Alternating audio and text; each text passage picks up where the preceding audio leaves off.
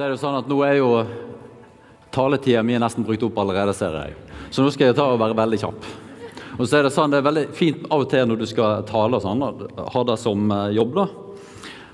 For da, du, du, kan alltid legge en plan B, for Gud har alltid en plan A. Så når vi forbereder sånn, så, dette her, så er det alltid plan B jeg holder på å forberede.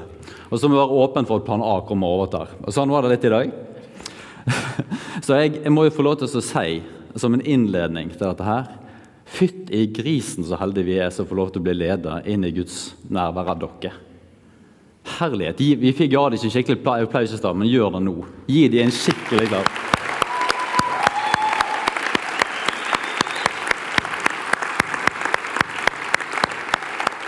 Og da få lov til å høre på disse vitnesbyrdene fra Fride, som jeg kjenner fra deg som bak i miksebordet, som jeg ikke kjenner så godt. Helt fantastisk å høre.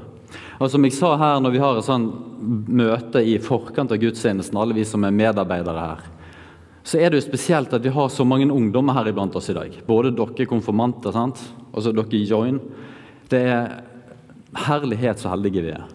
Og så sa jeg til deg at I dag så er det sånn at ikke tenk at dere skal få lov til å være med på det som vi voksne gjør. Men nå må dere trekke oss inn i det som Gud gjør iblant dere. For det er helt unikt. Det er et sant privilegium å få lov til å være her sammen med dere. Da skal dere bare vite at vi trenger dere. På veldig mange områder i livet så er dere forbilder for oss. Og det vil jeg bare si. Og så skal jeg ta og si litt om disse tingene jeg hadde tenkt å si noe om. Jeg skal gjøre et lite utvalg. Um, som dere ser i denne plakaten, her, så vi, begynner vi i dag en, eh, en taleserie som vi har kalt for Vendepunkt. Det er en taleserie som vi skal bruke nå de neste tre eh, søndagene. Vendepunkt har vi valgt å kalle det fordi at vi opplever det.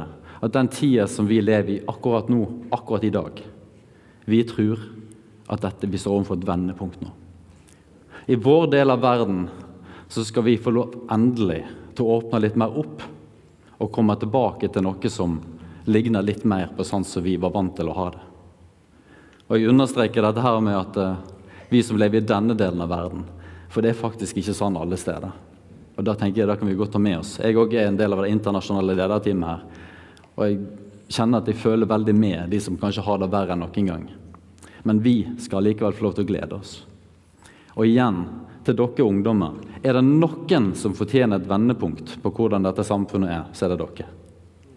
Dere fortjener det så til de grader at ting blir annerledes. Og tenker på dere konfirmanter som står her nå, og, og, og det året dere har hatt. Hvor farlig har det vært for meg? Jeg har gått fra 44 til 46. Var det så spennende, liksom? Men dere har kanskje gått ifra jeg vet ikke, jeg, 15 til 17 eller 14 til 16 eller vet ikke. Jeg husker ikke sånt. Men, men dere har iallfall levd i en fase som jeg tenker er så utrolig verdifull. 44 til 46, det klarer jeg fint. Men dere dere fortjener så sykt mye godt i den tida som kommer. Så vi tror på et vendepunkt. Vi tror virkelig at nå kommer det noe som ligger foran oss, som er litt annerledes. Men jeg tror ikke vi skal til nødvendigvis tilbake til der vi var. Men vi skal videre. sant? Jeg tror vi har lært noe av denne her fasen her.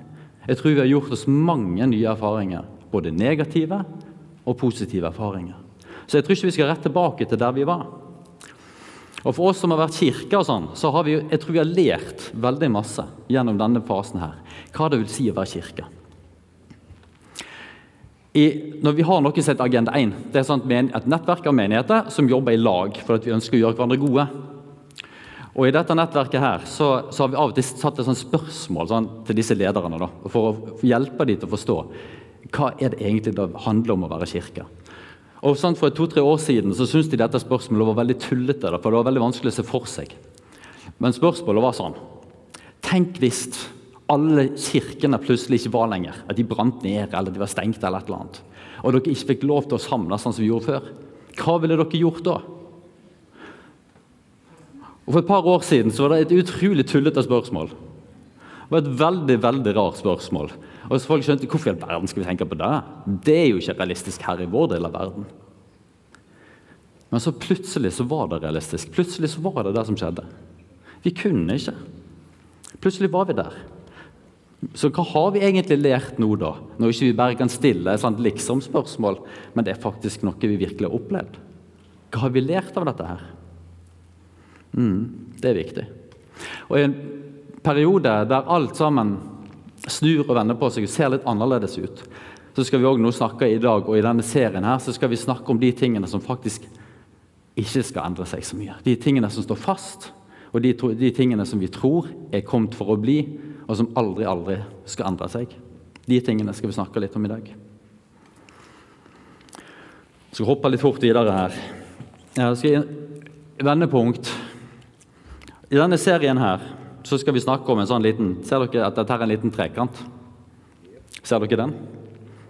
Når vi har vært rundt oss og snakket om det å være menighet, og vi har gjort det i mange forskjellige land I Mali, når de skulle summere opp alt som de hadde lært av oss og det teamet vårt som hadde vært nede der og, og jobba med det i flere år, så lagde de Sande. Og så summerte de opp det å være kirke med en sånn en. Og så, den, den her kommer faktisk fra Mali. Den her er, det har blitt spikka der nede. Og denne her er jeg veldig glad i. Jeg går rundt med den i lomma av og til. Og denne her sier for meg noe om veldig enkelt og greit hva vil det si å være kirke. Denne trekanten skal vi snakke litt om på ulike måter. Hvis vi snakker om det å være kirke, så kan vi si at ser dere at en trekant har tre retninger. Han har på en måte tre kanter. Det sier seg sjøl, det er en trekant. Og så er det en som peker opp, og så en som peker inn, og en som peker ut. Og Det, det, det, det betyr Dette her symboliserer kristenlivet vårt og de relasjonene vi får lov til å leve i. For det å være kristen det handler ikke om å ha en religion og bare det å være under et sånt tankesystem men det handler om at vi faktisk lever i relasjon med en levende Gud som er skikkelig, som er ekte. Og Så ser vi på hvordan Jesus levde sitt liv på jord. Han levde alltid opp med Gud, opp med far. og Så levde han inn til disiplene sine, inn i familien sin, og så levde han ut i samfunnet rundt seg. Sånn levde Gud. Og her hos oss kan Vi få opp den, vi hadde en, et fint bilde her. Yes. Her i IME så tenker vi sånn. Og Så bruker vi disse ordene for å formidle disse verdiene her, de ønsker vi å stå fast på, samme hva. Vi ønsker å leve opp i Guds nærvær, vi ønsker å leve inn i Guds familie, og så ønsker vi å leve ut med Guds godhet. Høres det greit ut? Dere kjenner igjen disse bildene har dere sett der. De står ute på plakatet ute i gangen her. og litt sånn forskjellig. Så i dag så skal vi snakke litt om den første biten som går opp i Guds nærvær. Og egentlig så må jeg bare si at det er litt sånn å skulle snakke om Guds nærvær. Vi fikk, Kjente dere det i sted? Kjente dere det som var her i sted? Når, de sto her, når dere sto her og sang Vær, altså, Jeg er jo så elendig på sangtekster, men uh, hellig er ditt navn. Når vi sto her og sang dette her Jeg vet ikke hvordan dere opplevde det, men for meg så skjedde det noe. Jeg kjente at jeg bare, det kom til en sånn følelse inn i kroppen. Jeg kjente at måtte, hele meg ble fylt opp av noe. Og så ble jeg fuktig i øynene. Jeg kjente at her kommer det fram følelser som jeg ikke vet hvor egentlig kommer fra. Jeg kjente at nå føler jeg at jeg står litt på hellig grunn, og at jeg fikk lov til å være i Guds nærvær. Det var en sånn helt spesiell følelse som jeg av og til får lov til å kjenne på. Og det er dette det er, folkens. Det er egentlig ikke noe jeg kan stå her og forklare, men derfor er jeg så utrolig glad for at vi akkurat nå fikk lov til å bli tatt inn i Guds nærvær, sånn at vi kan sette litt ord på hva er det egentlig vi opplevde. Og Så skal vi prøve å sette litt ord på det. Jeg skal, dele noen korte egne erfaringer. Men først så vil jeg bare si helt kort hva er det Bibelen sier om dette her, da? Hele historien vår, folkens Dere som kjenner meg, dere vet at jeg er glad i å dra liksom sånne lange linjer og sånn. Um, men det skal jeg gjøre nå òg. Men hele historien vår den handler nettopp om, det, om dette her, at vi skal få komme inn igjen i Guds nærvær. For det var en relasjon til Gud som ble ødelagt en gang for lenge, lenge siden. Når, Gud, når mennesket valgte vekk Gud. Og dette med lengselen etter Guds nærvær det er ikke noe som er interessant først og fremst for sånn særlig interesserte karismatikere. Men det er noe som berører oss dypt i forhold til hva det vil si å være menneske. Det var noen som brukte, jeg husker ikke hvem som sa det, men den, den frasen av den opplevelsen av å komme hjem. Ja, tenkte jeg var tørst. Takk skal du ha. Takk, Bjørn. Um, men, men det, det, er denne dype lengselen inni oss etter det faktisk å få lov til å komme hjem. Jeg tror Guds nærvær handler nettopp om dette, og at bibelfortellingen er en lang fortelling om en Gud som elsker oss, og som elsker deg, og som ønsker at vi skal komme hjem. Bibelhistorien er en historie om en Gud som vil vinne menneskenes hjerte tilbake, sånn at vi kan leve i hans nærhet. Og Hvis du da begynner, skal gjøre Bibelen veldig veldig kort, denne her, så begynner det da tidlig med at Gud velger seg ut noen. Han, I Gamle testamentet så leser vi om hvordan han valgte seg ut israelsfolket. Og så kommer Guds nærvær på sånne spesielle steder. Plutselig så var Guds nærvær foran Moses i en busk som brant.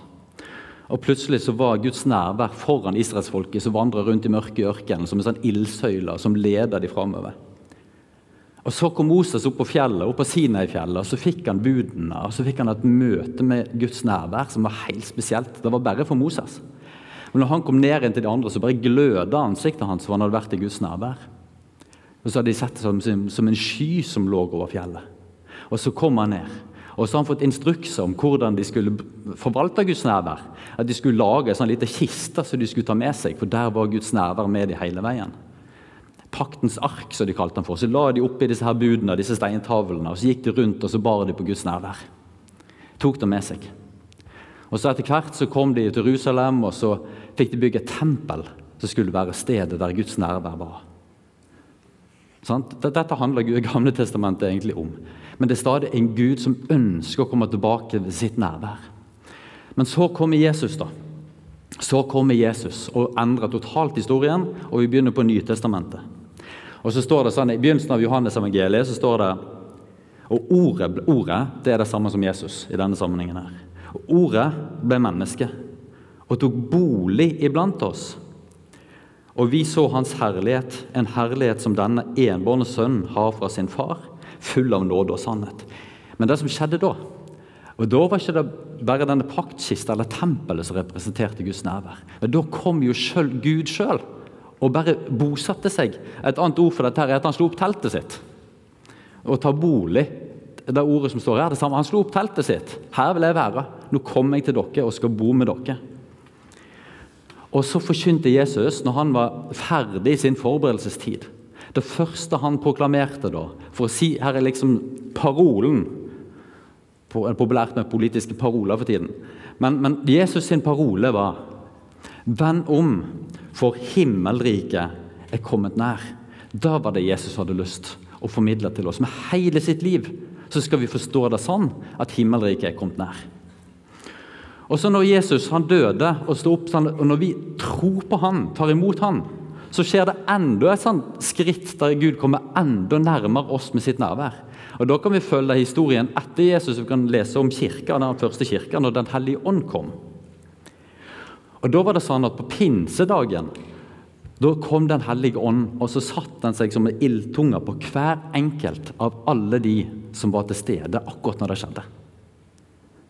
Det står at de, Den delte seg og satte seg på hver enkelt av dem, og alle ble fylt av Den hellige ånd. Så Guds plan er å hele veien komme nærmere og nærmere. Og nå var det tilgjengelig, ikke bare for israelsfolket, men for alle, og for meg og deg som sitter her i dag. Og Det er òg grunnen til at når dere leder oss i lovsang, og vi synger 'Hellig er ditt navn', så kan vi òg kjenne at den samme tilstedeværelsen, den er her nå òg. Guds nærvær som kommer over oss samme nærværet som vi en gang mista. Det samme nærværet som forvandla ansiktet til Moses. Og det samme nærværet som Jesus brakte med seg til jord når han slo opp teltet sitt her. Og Det samme nærværet som satt på disse ildtungene. Da er det som bor i vårt hjerte når vi har tatt imot ham. Det samme. Og så sa du noe i sted, Fride. Du sa noe. Hvor er du, Fride? Der er du. Du sa noe utrolig klokt i sted. Jeg trodde du hadde fuska og sett notatene mine. Det hadde du ikke. Men, men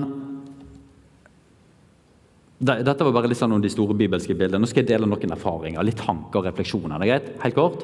Jeg klarer ikke å se fem minutter. Vi har noen minutter til.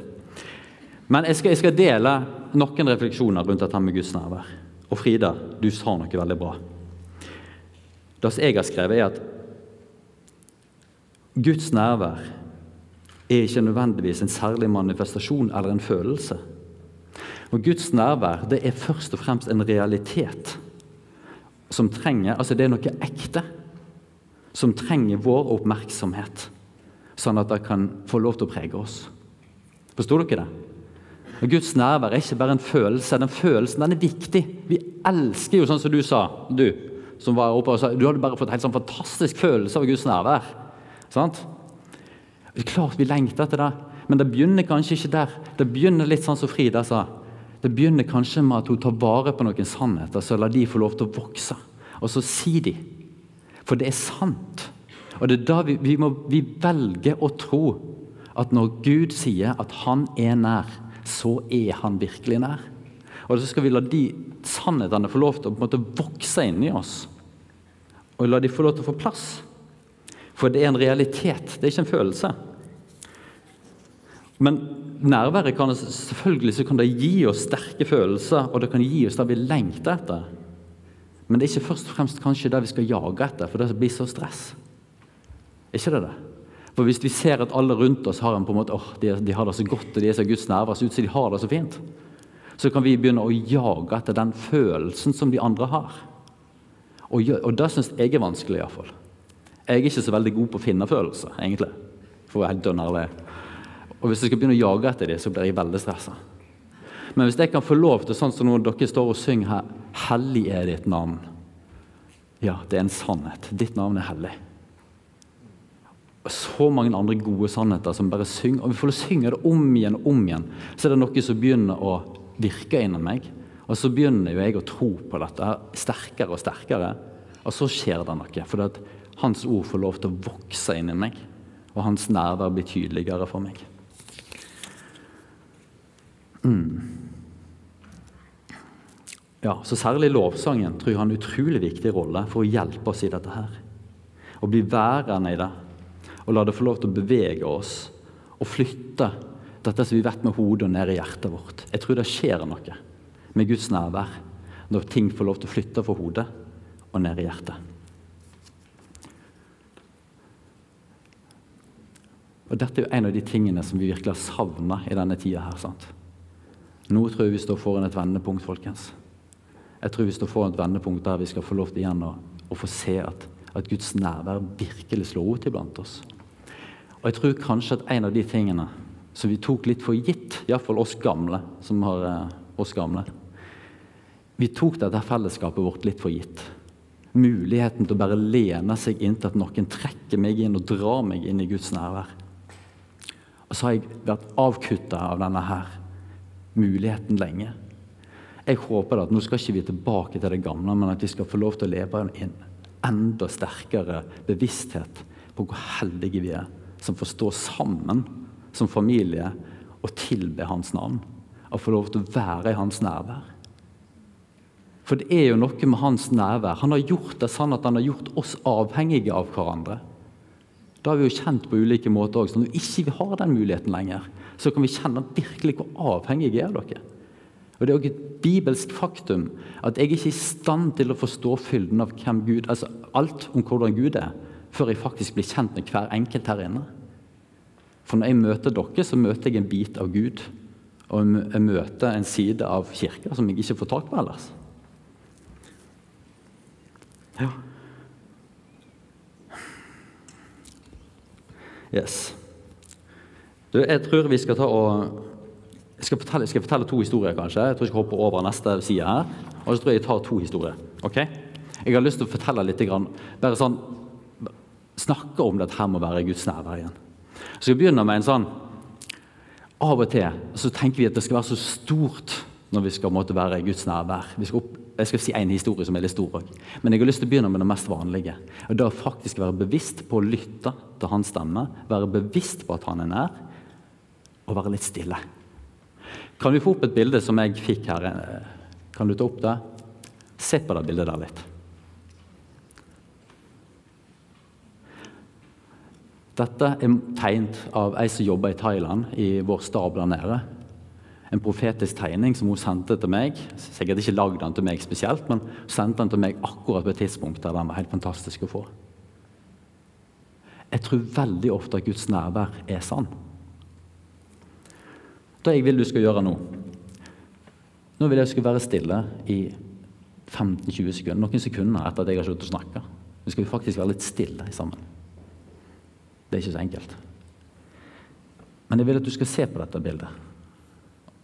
Og så vil jeg at du skal tenke Hva forbinder du dette med? Har du hatt en sånn erfaring av Guds, Guds nærvær som du ser på dette bildet? Eller hva tenker du på når du ser det? Jeg stiller lite grann.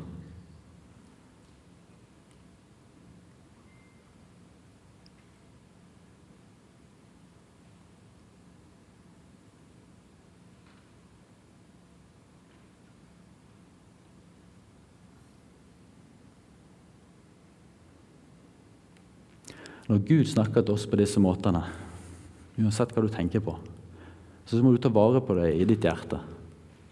Jeg tror at dette er en måte som Gud leder oss på, og som Han viser oss vei her i livet.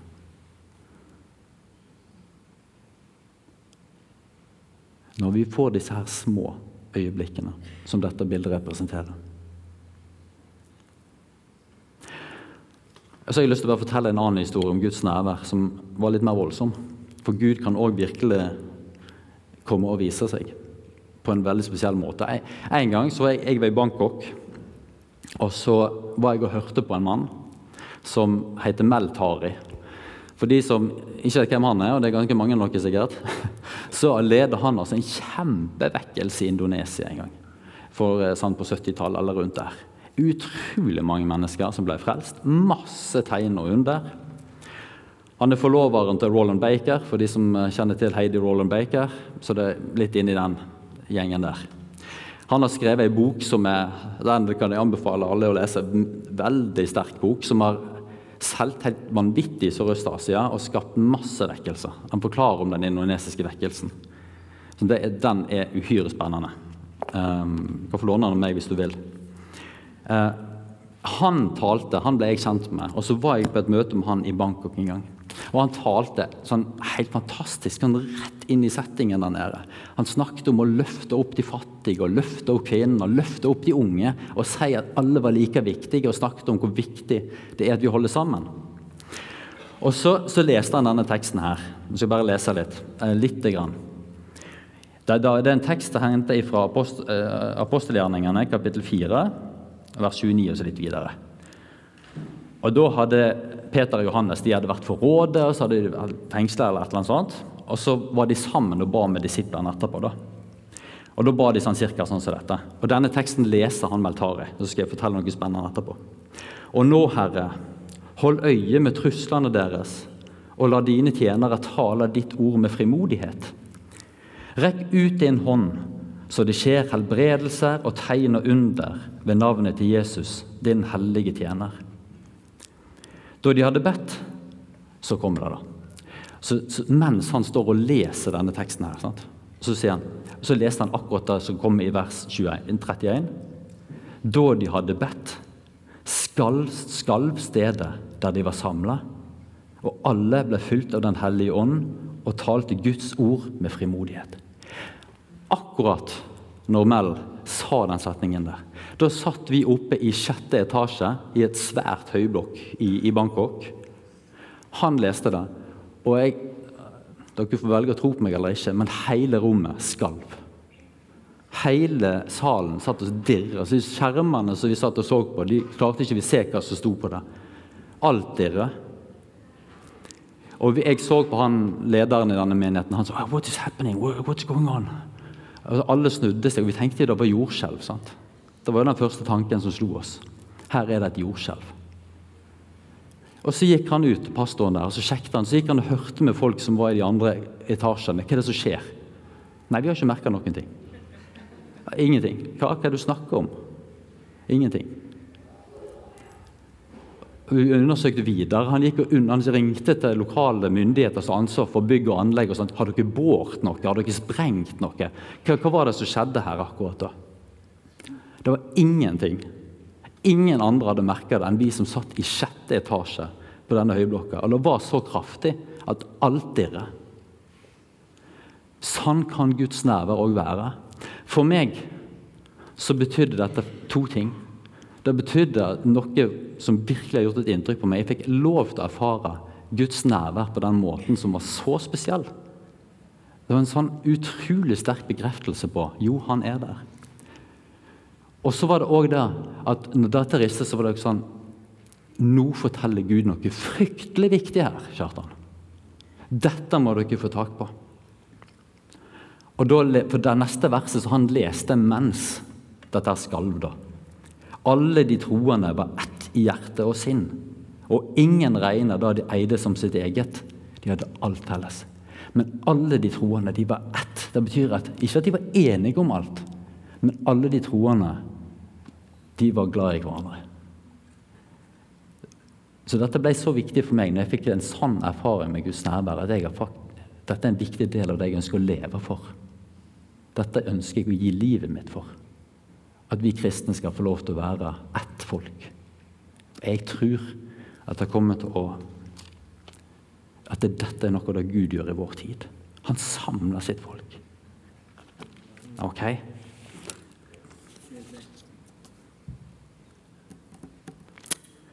Ja.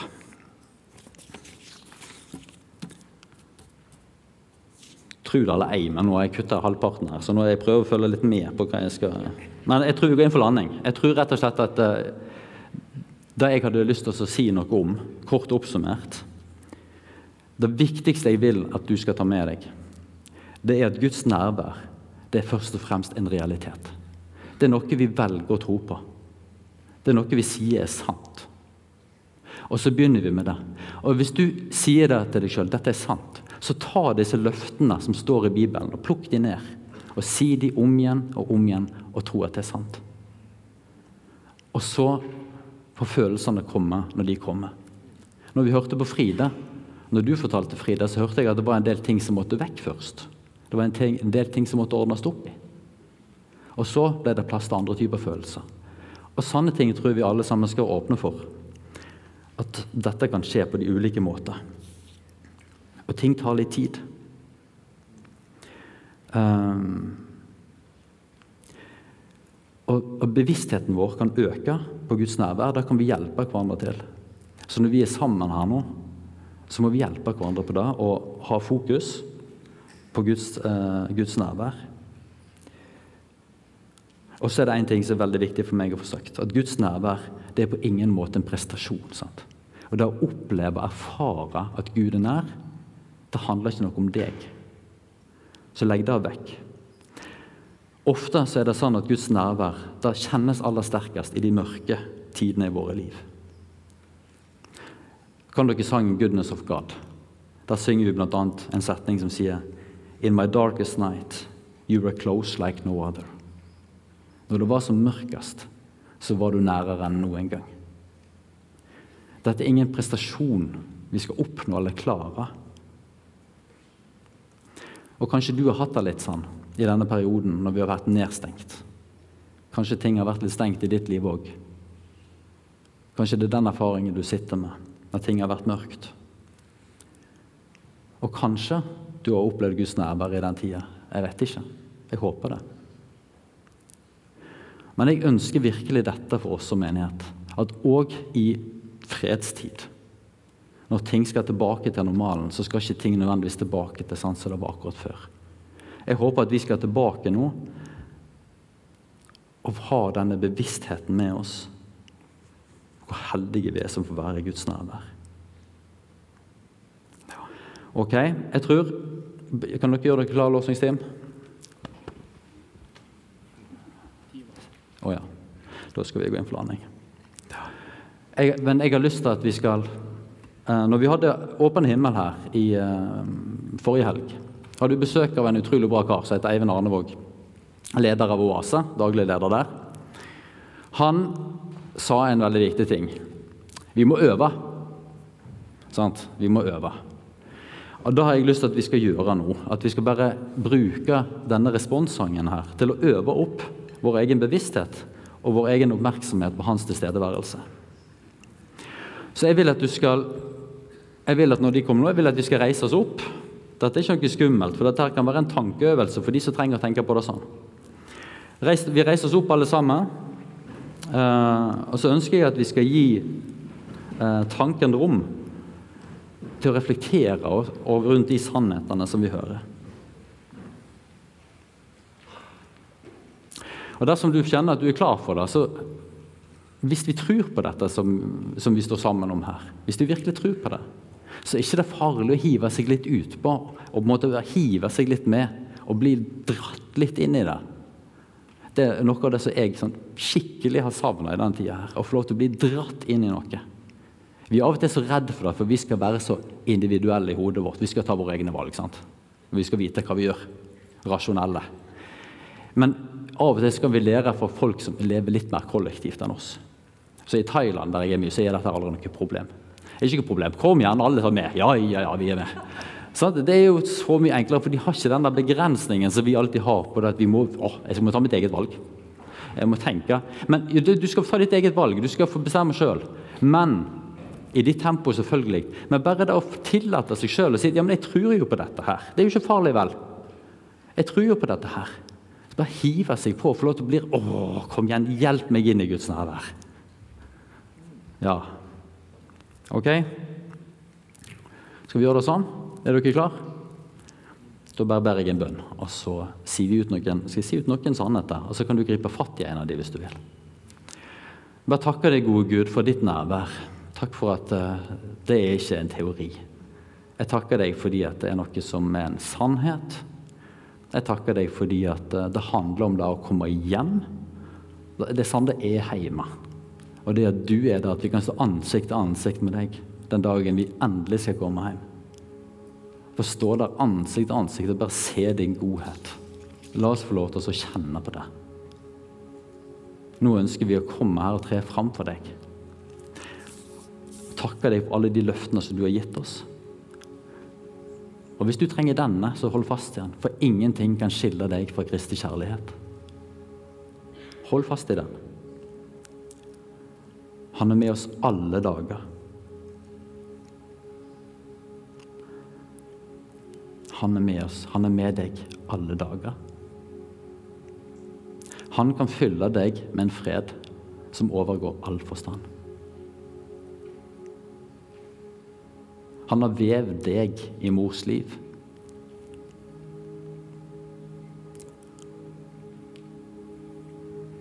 Han elsker deg så høyt at han ville dødd bare for deg. La sånne sannheter bare få lov til å få plass i oss. Og så kommer vi fram for deg, Jesus, og inn i ditt nærvær. Kom og gjør med oss det du vil. Amen.